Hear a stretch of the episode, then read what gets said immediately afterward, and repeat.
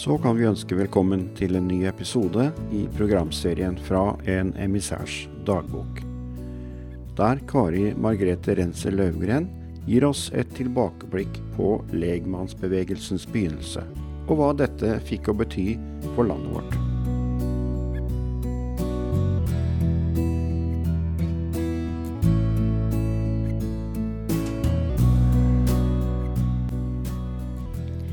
Rike arbeidsår på kristenfronten, ja, det ble det rundt år 1900 og fram mot 1940. Etter vekkelsesperiodene kom behovet for et samlingssted, altså bedehus, der det ble stor virksomhet og der emissærene fikk sin faste talerstol. Men reisevirksomheten ble begrensa nå når krigen kom. Dette på grunn av vansker med å få reisepass, det var matrasjonering, og mørklegging om kveldene. Og ikke minst restriksjoner mot fri tale, som det het. En annen sak var alle de 282 bedehusene som nå ble konfiskert av tyskerne, og fikk slem medfart, som det ble sagt.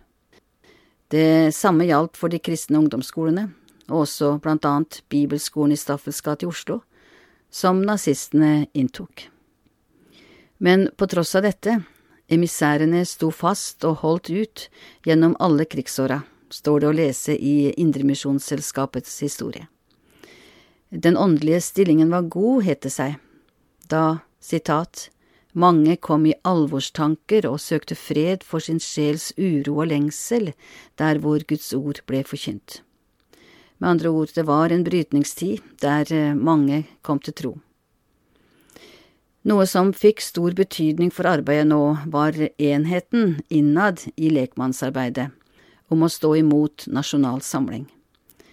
Slik det også var enighet om blant biskopene som la ned embetene sine. Mange prester ble avsatt, og naziprestene som var igjen, preka ofte for tomme kirkebenker under høymessa på søndagene. Det var etter dette at eh, en hemmelig kirkeledelse med både biskoper og lekmenn ble oppretta, og der Ole Hallesby og den markante lekmannshøvdingen Ludvig Hope var med. Hallesby og Hope ble arrestert på grunn av protesten mot den omfattende jødeforfølgelsen her i landet. De ble sendt til Grini og ble der krigen ut, og resten av kirkeledelsen måtte gå under jorda. Selv om arbeidet ble holdt oppe, så kunne det ikke bli snakk om mange nye tiltak så lenge krigen varte. Men det spesielle var likevel oppsvinget i antall ungdomsforeninger nå, fra nær 400 til 618, og 370 nye yngreslag. Og for de yngste var søndagsskolen, som vi veit, godt etablert, der så å si alle i bygda var med. Leirarbeid ble noe nytt, arrangert på de mange leirstedene som dukka opp etter krigen, på idylliske steder langs kysten eller i innlandet. Med det så er vi kommet fram til starten for min far Torleiv Rensel sin emissærtjeneste, og der nettopp ungdomsarbeidet sto sentralt. Som 27-åring i 1936 mista han far sin, og dette ble et vendepunkt for han, og starten på min kristenveg, som han sier det i dagboka si. Han var på den tida formann for det frilynte ungdomslaget i bygda, men eh, nå ivrer han for å starte et kristent ungdomslag, som ble til to år etter. Der møtte han mor, de gifta seg i 1940, og tre år etter fikk han kall til å reise ut.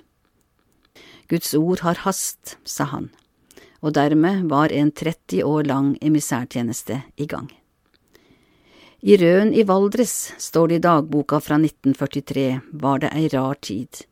Det var vekking i bygda, også blant ungdom som var hird og gikk i uniform. Men, skriver han, dei som vart vunne for Gud, la bort uniforma, dei var kledd i ei ny drakt, i Kristi rettferdsdrakt.